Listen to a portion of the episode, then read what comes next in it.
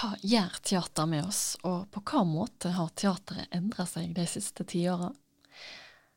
Teatermelder i Dag og Tid, Bent Kvalvik, er gjest hos oss denne veka. Du lytter til Dag og Tid-podkasten. Mitt navn er Sofie Mai Rånes.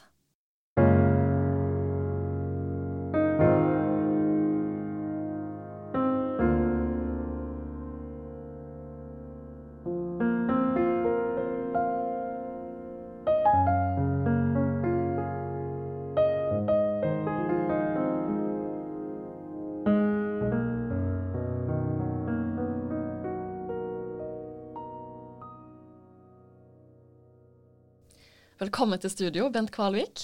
Takk. Du er filmarkivar ved Nasjonalbiblioteket. Ja.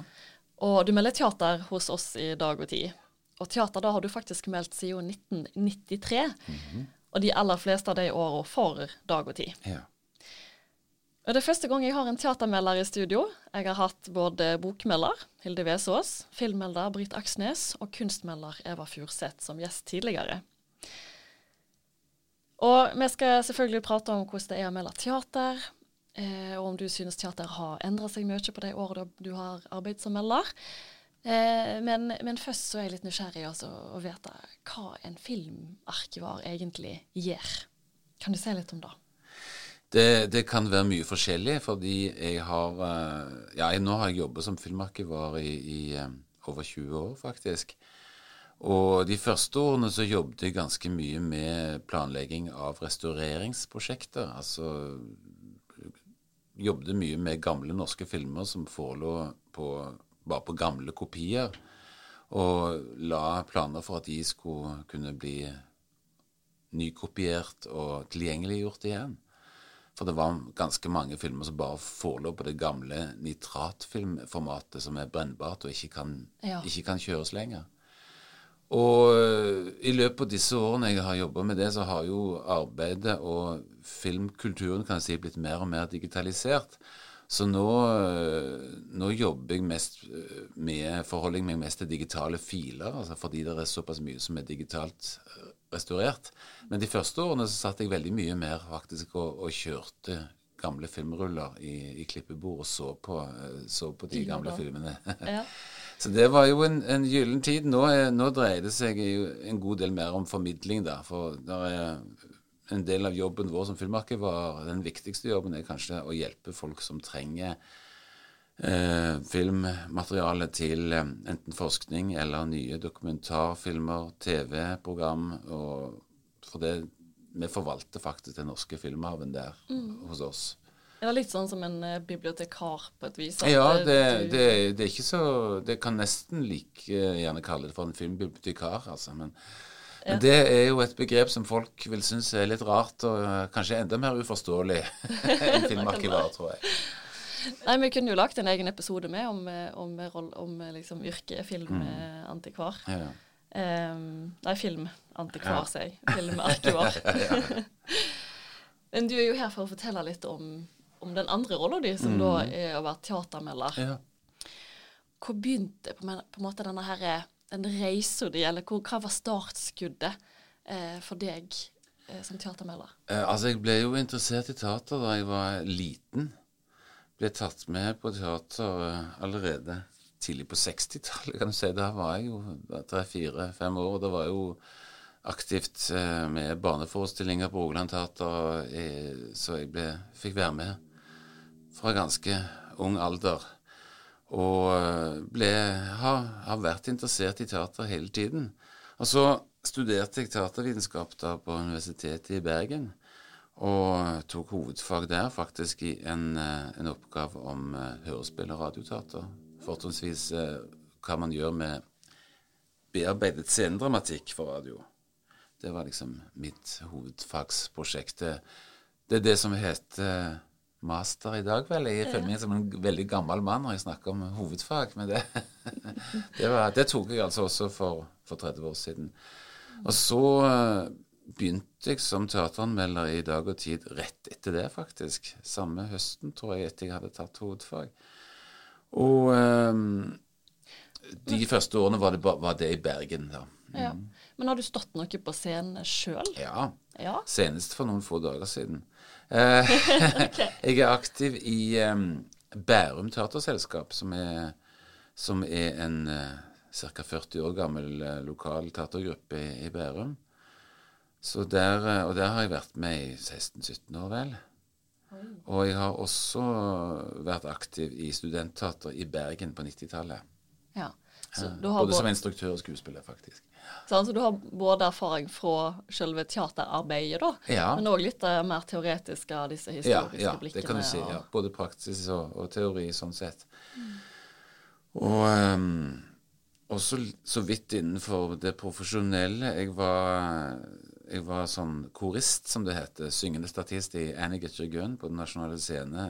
Jeg var, da, var både indianer og Ja, det er jo ikke lov å si lenger, men um, ballgjester, landsbyborger og sånn, for, mange forskjellige sånne småroller der de trengte kor uh, og syngende statister. og uh, Har du, har du hatt ei hovedrolle en gang? Ikke på det profesjonelle teatret, men jeg har hatt store roller uh, på amatørscenen. Det har jeg. Nå har jo du sittet veldig masse i salen da, eh, Ja. og meldt. Men eh, hvis vi ser på det etterpå, da, først Ja. å stå på scenen eh, og skal få kontakt med publikum, eh, hvordan oppleves det? Ja, eh, det er jo eh, den forskjellen at du merker ganske fort når det er respons, da. Ja. Og senest den erfaringen både jeg og vi andre i ensemblet gjorde da vi spilte dette siste stykket, som gikk i forrige uke, 'Trollspill' av Peder Cappelen, at noen kvelder så kommer det latter hele tiden, og så neste kveld forventer man latter på de samme stedene, så er det plutselig helt stumt. Så det, det, det skumle og spennende er jo det der at det er faktisk ganske uforutsigbart. Eh, For en forestilling, selv om man sjøl gjør akkurat det samme kveld etter kveld, så, så blir en forestilling forskjellig. Og Hvordan syns du det påvirker din egen prestasjon, da, eller de andre som står på scenen sin prestasjon, hvis responsen i publikum kanskje ikke er så positiv eller så energisk som en hadde venta? Nei, altså Man kan jo ikke annet enn å, enn å gjøre det man har planlagt og, og lært. Uh, gjør egentlig det samme. Uh, det er Jeg pleier iallfall ikke begynne å improvisere på grunn av det. I det hele tatt så liker jeg best å opptre med noe som jeg kan godt. det er Improvisasjon og sånn det er jo en egen underholdningsform innen teateret. Teatersport, som du kanskje har hørt om. Eh, Nei, det har jeg ikke hørt. Nei, det er en egen underholdningsform der skuespillere eh, får bare et emne, og så improviserer de en sketsj eh, ut fra ut fra bare noen stikkord. Og det, det er veldig morsomt når folk er flinke til det. Eh, jeg har aldri blitt så veldig flink til det, så jeg, jeg liker veldig godt å, å kunne noe før jeg står på en scene med, med og skal fremføre. Ja. Mm. Hvis vi da beveger oss fra scenen da, og så ut i publikum, Ja. Eh, som har blitt, det har blitt nevnt nå at du har meldt eh, teater i, ja, i 30 år, faktisk. Ja. Mm. Eh, ganske imponerende, om jeg må få lov til å si det. Og du har sett masse teater. Ja. Er det et mål for deg å møte hver eh, nye framsyning med et åpent sinn? Ja, det er det jo eh, egentlig. Eh, og eh, det, det håper jeg og tror jeg at jeg gjør. Eh, men man merker jo eh, Altså, det jeg blir Noe av det jeg blir på vakt over, er vel kanskje det at det er litt, av og til litt for tydelige trender og ting som er på moten å gjøre. Og, og jeg er jo litt sånn var overfor moter og trender i det hele tatt, både på teater og i livet ellers. OK. Fordi, eh, ja Uten, uten at nå skal komme helt på viddene, så, så pleier jeg jo alltid å si til venner som får barn, at dere må velge et grimt navn. For de, for de pene navnene er alltid på moten. Må ikke, ta, må ikke velge et navn bare fordi de, dere syns det er pent, for da er det, kommer det til å være åtte andre i barnehagen som heter akkurat det samme. Og det er litt sånn av og til på teater òg, syns jeg, at man eh, det blir mye gjentagelser, og at du tror alle at de har oppfunnet hjulet eh, samtidig. Og så, så, det hender nok at jeg slår litt, litt hardt ned på på um, kvasi-originalitet, for å si det sånn. Mm.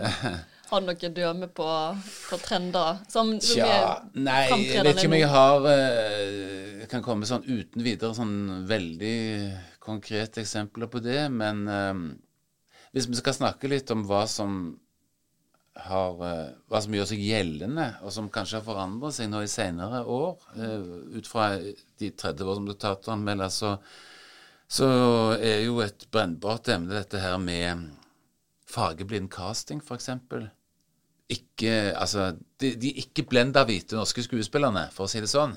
Eh, som, eh, og det er jo en del av samfunnet òg, for, for, Norge er jo ikke et blenda hvitt samfunn lenger. Eh, så vi er jo mye sammen, en mye mer sammensatt nasjon, også utseendemessig og kulturmessig, enn før. Og det er jo naturlig at det også virker inn på alle, alle områder i samfunnet, også på ut, utøvende kunst. Men jeg syns jo og det gjelder vel egentlig ikke bare Norge heller, at noen ganger så blir det litt krampaktig at man på dødeliv skal ha disse her At Synnøve Solbakken og Per Gynt og sånne ting på dødeliv skal spilles av en ikke ikke-hvit mm. norsk person. Det er litt farlig. Jeg føler det er litt farlig å snakke om det. Men, ja. men, eh, men jeg tar sjansen fordi jeg syns det er Det er av de, en av de tingene som har blitt synlig nå i de seinere årene. Mm. Mm.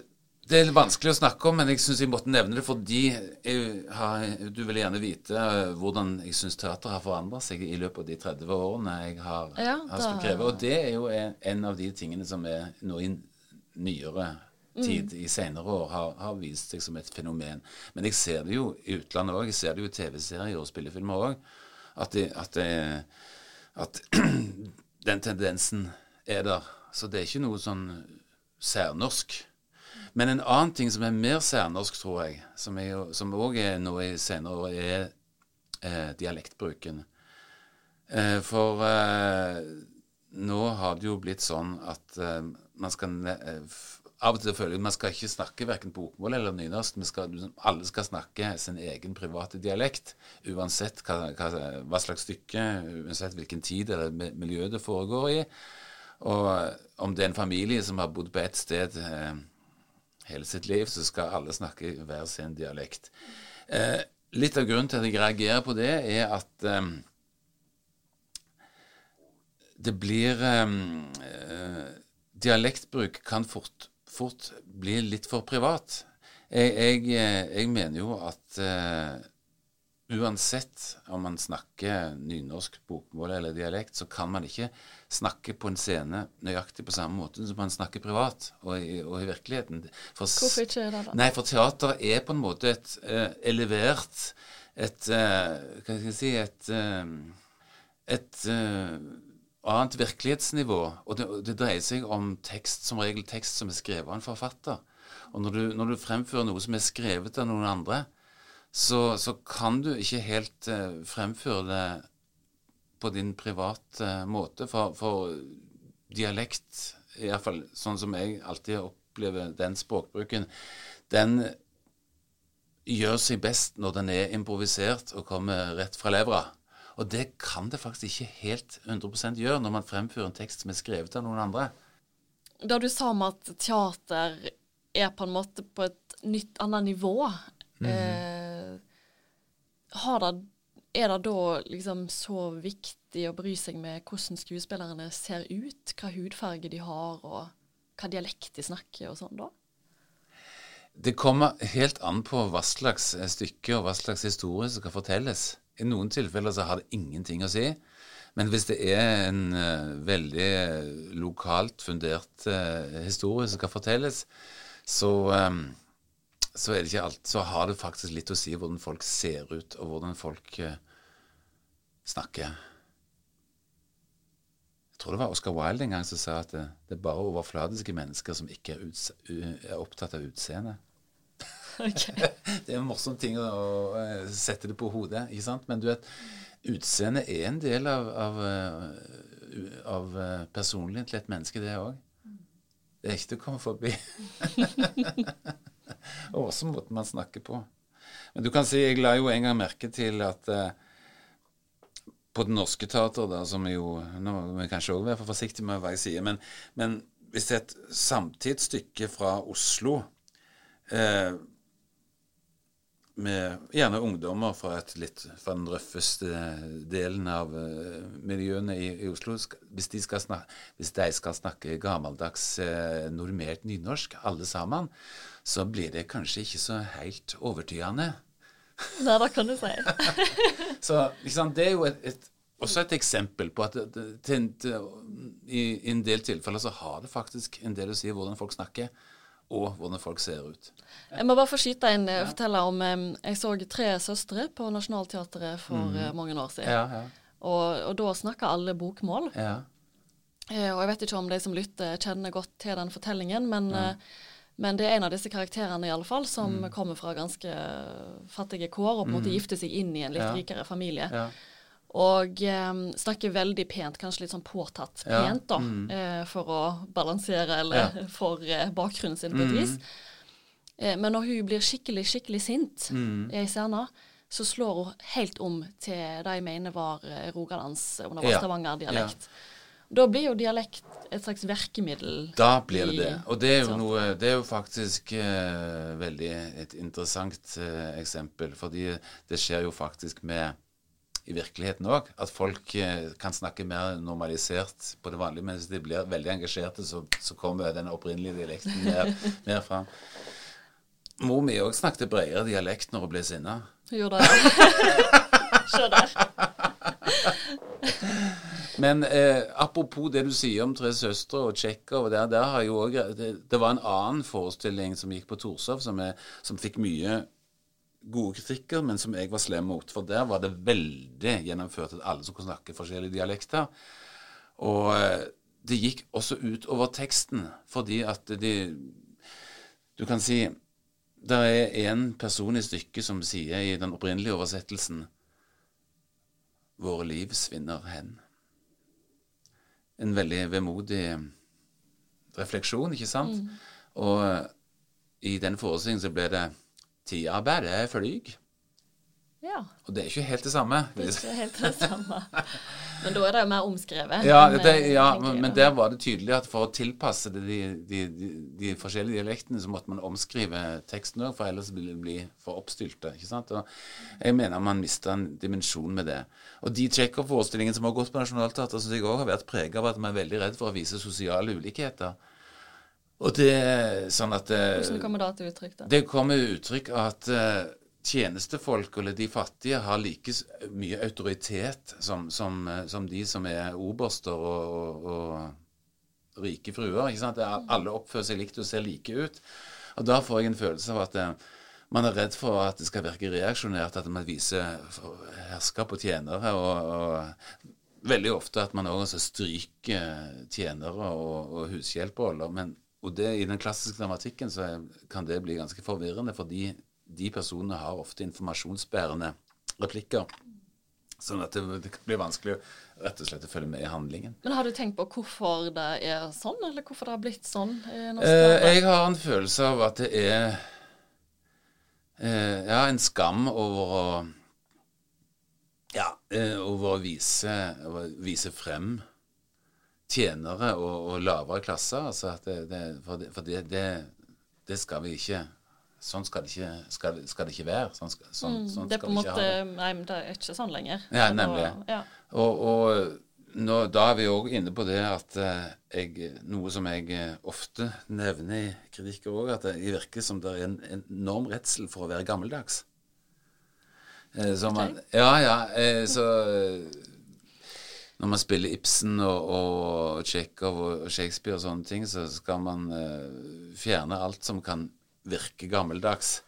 Og det går jo Altså, noen ganger så har jeg, har jeg jo Eller ofte reagert på dette her med I Ibsen-stykkene, f.eks., som foregår i et veldig høyborgerlig nivå, eh, miljø Unnskyld. Et høyborgerlig miljø der, eh, der tiltaler hverandre med yrkestitler og sånne ting, og, og, og sier frøken og fru og sånne ting. Og så beholder man det, men det eneste man kutter ut, er, er det å si de til hverandre. Og da blir det så rart når, når det kommer sånne replikker som 'Vokt deg, du, frøken Wang', eller 'Gi deg, du, da, assessor'. Altså, det, det blir jo øh, du, du, er, du, er, ikke redd for å virke gammeldags når du sier, når du sier sånne ting? eh, nei, jeg er ikke så redd for å virke gammeldags. Eh, men eh, nei, fordi at eh, Jeg, jeg syns det er Jeg syns det tvert imot er viktig å å påpeke at de andre er redde for å være gammeldagse. De som lager teater. det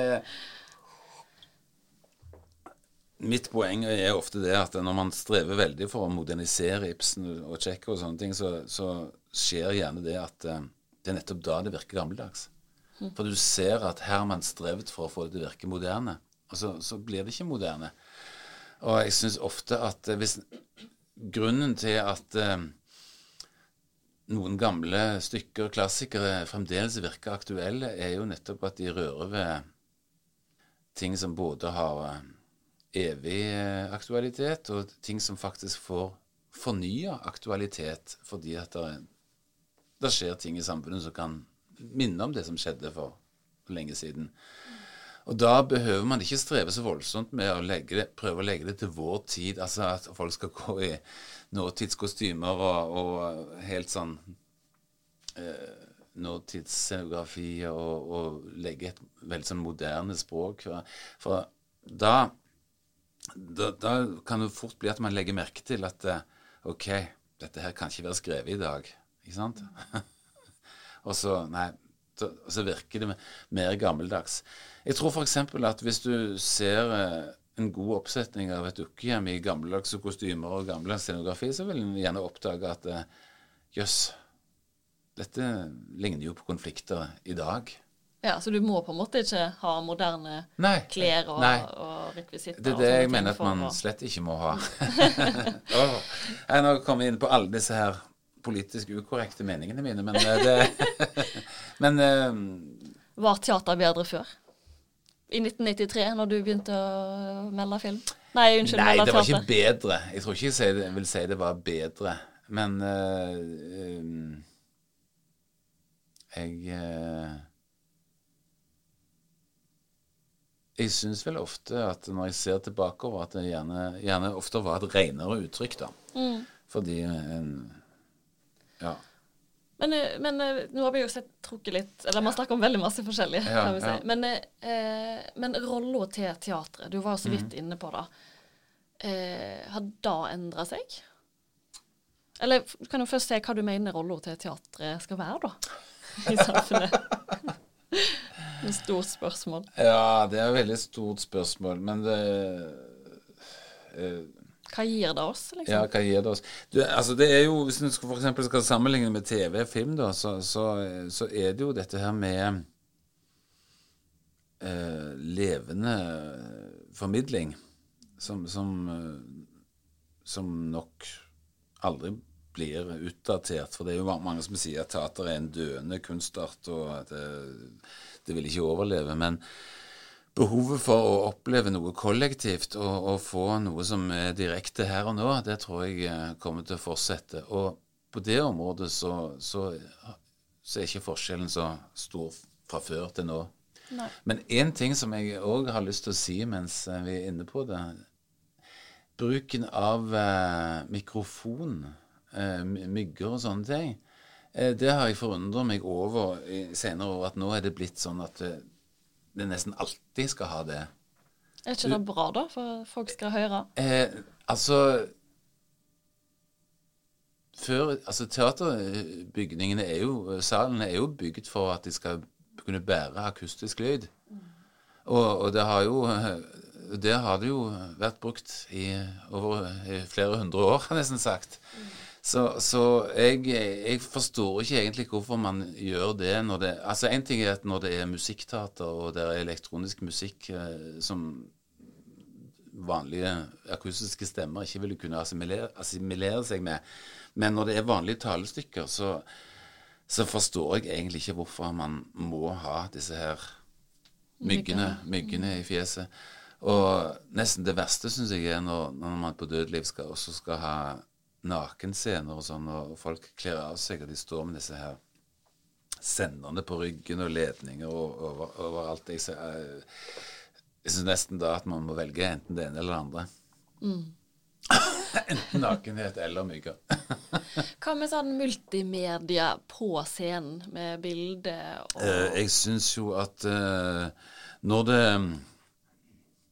når det kommer som et supplement til resten, så syns jeg ofte at det kan være effektivt og spennende. Men jeg liker ikke når hele forestillingen skal gå over skjerm. For da blir det, da blir det for, for, likt på TV og film. Det, det, er det som er unikt med teater, at du skal ikke du, du, skal se det i et perspektiv. Og sitter du på ett sted i salen eller på et annet sted, så opplever du jo ikke det samme. Men, men, hvis det overtar sånn på den måten at alt skal gå via kamera over på en storskjerm, så, så blir det akkurat som å se på TV. At alle ser akkurat det samme. Og du får jo ikke den Du får jo ikke den der organiske kontakten med, med, med skuespillerne heller, som du, som du får Som er, er, noe av det unike med teater. Eh, når du går inn i teateret og skal melde for mm. dag og tid. Mm. Har du en sånn oppskrift? Sitter du med notatblokk? Jeg sitter aldri med notatblokk, for det har jeg aldri syntes ser noe bra ut. altså, At folk, folk sitter med notatblokk og noterer. så Det har jeg aldri villet gjøre. Så, men eh, jeg går veldig ofte ut etter en forestilling og tenker hva i all verden skal jeg skrive om dette? Ja. Eh, eh, så, men det kommer alltid noe ned på papiret, altså. Det, det gjør jo det. Men eh, det må fordøyes. Eh, iallfall en time eller to før. Av og til så skriver jeg om morgenen dagen etterpå, men ofte skriver jeg jo samme kvelden også. Men har du samme opplevelse når du sitter og ser på et teaterstykke eller en framsyning, hvis du skal melde stykket versus eh, Eller ja, versus, det er ikke så Nei, godt ord, men eh, når, du, når ja. du, går på en måte eh, ikke på jobb, da. Nei, jeg slapper mer av når jeg vet at dette behøver jeg ikke mene noe om. Så sånn sett så er jo det en nå etter hvert nærmest en luksus å betale for billetten og vite at du ikke behøver skrive noe.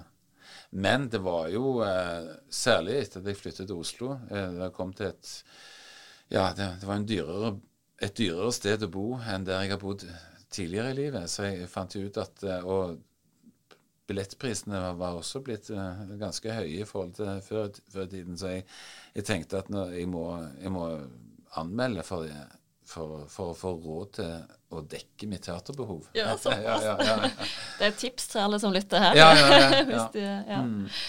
Det har jo ja, Skal ikke si at man snakker om masse negativt med teater, men har vært, du har kritisert eh, litt teater i dag, da. Mm. Og da jeg, tenkte jeg kanskje vi kunne av, begynne å runde litt av med om det er en, en, teateropplevelse som har satt ekstra preg på deg, eller som var spesielt positiv. Mm. Ja, altså jeg har lyst til å nevne to, to forestillinger som, som, jeg har ofte tenkt på å vende tilbake til. Det ene var en forestilling jeg så om uh, dikteren Tor Jonsson, som var bygd på uh, biografien om han. Nå er det veldig flaut å ikke huske forfatteren, men av den, for det var han sjøl som hadde dramatisert biografien for, for, for teater. Men det var en veldig intim, liten forestilling med to skuespillere fra Trøndelag Teater, Halbjørn Rønning og Wenche Strømdal, som spilte Tor Jonsson og kvinnen i hans liv som det aldri ble uh, ja, noe endelig forhold med, fordi han var såpass uh, dårlig psykisk. Uh, den forestillingen var, nest, var, sånn at jeg holdt på å grine etterpå. Det er uhyre sjelden jeg gjør etter en, etter en teaterforestilling. Fordi ja, Det hadde også litt med at jeg har alltid hørt om Tor Jonsson, at han var en sånn veldig depressiv forfatter som begikk selvmord og, og, sånn. Og så får jeg den historien om at han faktisk hadde en kjærlighetshistorie, og at det, at det var Det gikk galt fordi han rett og slett ikke var i stand til å til å leve med et menneske, selv om han hadde ei han var glad i. Det var, det var, en veldig sterk opplevelse å se det. Det en, men det var en veldig i format en veldig beskjeden, enkel uh, forestilling. Men for å ta det motsatte på en måte, da, så var, må jeg jo nevne en musikal jeg så i London for noen år siden. Uh, som var en gammel klassiker som heter 'Carousel' av Rogers og Hammerstein. Det er jo en uh, veldig fin historie og en herlige melodier. Men det som gjorde det sterkt å se den forestillingen da, var at det var, en, eh, det var ikke noe sånn uh, storslått musikaloppsetning. Var, den, den var nedstrippa til en intim forestilling nede på en blackbox-scene. Det var fem musikere, og det var skuespillere som sang og spilte uten mygger rett opp i ansiktet på oss. Og det Jeg husker at det var, jeg satt ved siden av en dame jeg ikke kjente. og, og da teppet ned, så grein vi begge to. Jeg følte det var rett før vi kasta oss om halsen på hverandre. så, så, det var Iallfall nå i voksen alder, så tror jeg det er faktisk det sterkeste jeg har vært med på. Mm. Jeg kunne fortalt mye om det, men eh, ja. ja. Men kanskje du kan se kort hva den handler om, den Carousel? Den handler om eh, en eh, døgenikt av en ung mann som jobber på et tivoli, og som blir forelska i ei jente, og hun i han. Og de eh, flytter sammen, de, og hun blir gravid, men han, han er jo arbeidsledig og, og ustadig. Upålitelig, men eh, de er veldig glad i hverandre. Og så lar han seg lokke til å bli med på et overfall for, for å stjele penger, så de kan komme seg til, Amer ja, komme seg til Amerika. Det foregår nede i Mellom-Europa, dette her. Men han blir tatt, og da, for å ikke komme i fengsel, så tar han livet av seg. Og da finner kjæresten hans, Julie, finner han eh, på gaten eh, død, og, og, har liksom en sånn Sier til han når han ligger der død, at det, det, er lettere å få sagt det til deg nå enn da, enn da vi var sammen og du var i live, men da kan jeg endelig si det at jeg, jeg elsker deg. For seint. Mm. Mm, for seint. Mm. mm. Jeg, blir, jeg blir helt rørt. det bare. Mm. Men det er kjærlighetsstore, i alle fall. Ja. Det, mm. ja. Hva gleder du deg til da, i eh, Teaterværa 2023? Jeg gleder meg faktisk, eh, Akkurat nå så gleder jeg meg faktisk til i kveld. For, for i, i, kveld skal jeg se 'Rike' på, på Sentralteatret etter uh, Lars von Triers film. Og den, Det var jo en film som gjorde veldig inntrykk for 25 år siden da den kom på kino. Den kom jo som TV-serie etterpå. Eh, en helt vill, sinnssyk historie som både er komedie og grøsser og, og mysteriespill. Den har, den har, så mye. Eh, skummel, sørgelig, morsom. Den, den, har, den, har, liksom alt. Så jeg er veldig spent på hvordan den blir nå på scenen. Så det, akkurat nå så er det, er det, det jeg gleder meg til. Teateråret 2023. Ja. Eh, et siste spørsmål. Mm. Eh, vi snakka litt om, om, eh, på en måte trender og sånt i teateret. Ja. Eh, og nå, sa, nå, skal jo du på dette her eh, teaterstykket som ja. er basert på en film. Mm. Hva syns du om det? Ja, eh, det er, det er, også en interessant uh, utvikling. For i gamle dager var det omvendt. I gamle dager var det gjerne teaterstykker som ble, ble, til film. Og nå har det blitt mer og mer tendenser til at man tar en film og lager teater av det. Um, jeg vet ikke egentlig jeg skal, hva jeg skal reflektere rundt den utviklingen, at det går motsatt vei. Men det er jo et tankekors. Noen ganger så blir det vellykka. Uh, men i enkelte tilfeller syns jeg at når jeg ser en sånn forestilling, at dette er tydelig at det skulle egentlig vært en film. Jeg syns bl.a. det om den som heter 'Festen', som var jo en, en veldig sterk film med Thomas Winterberg. Uh, familiedrama med, der det dukker opp incestproblematikk og ja, traumatiserte mennesker. Eh, en stor sånn gruppe, gruppedrama, kan du si, med mange skjebner. Eh, den var en veldig god film. Men når den kom på teater, så syns jeg det ble litt for tydelig at, uh, dette egentlig har vært en film. For, for, det går ikke an å ha like effektivt raske sceneskift der ting skal foregå på mange forskjellige steder på en teaterscene som på film. På film er du veldig fristilt der. Du kan være på et blunk et helt annet sted og en helt annen tid. Det er ikke så lett på teater. Og jeg syns faktisk også det samme med 'Jordbærstedet', som nå går på, på Nationaltheatret. En fantastisk film. En av mine yndlingsfilmer uh, til Bergman, må jeg si. Men eh, på Nationaltheatret nå, selv om de spilte godt, så, så Nei, en, en road movie på Nationaltheatrets hovedscene, det, det, er ikke lett å få til overbevisende. Det, det gikk ikke helt, syns jeg faktisk. Jeg tror vi setter strek der. Det har vært veldig hyggelig. Tusen takk, Bent Kvalvik, for at du kom til studio.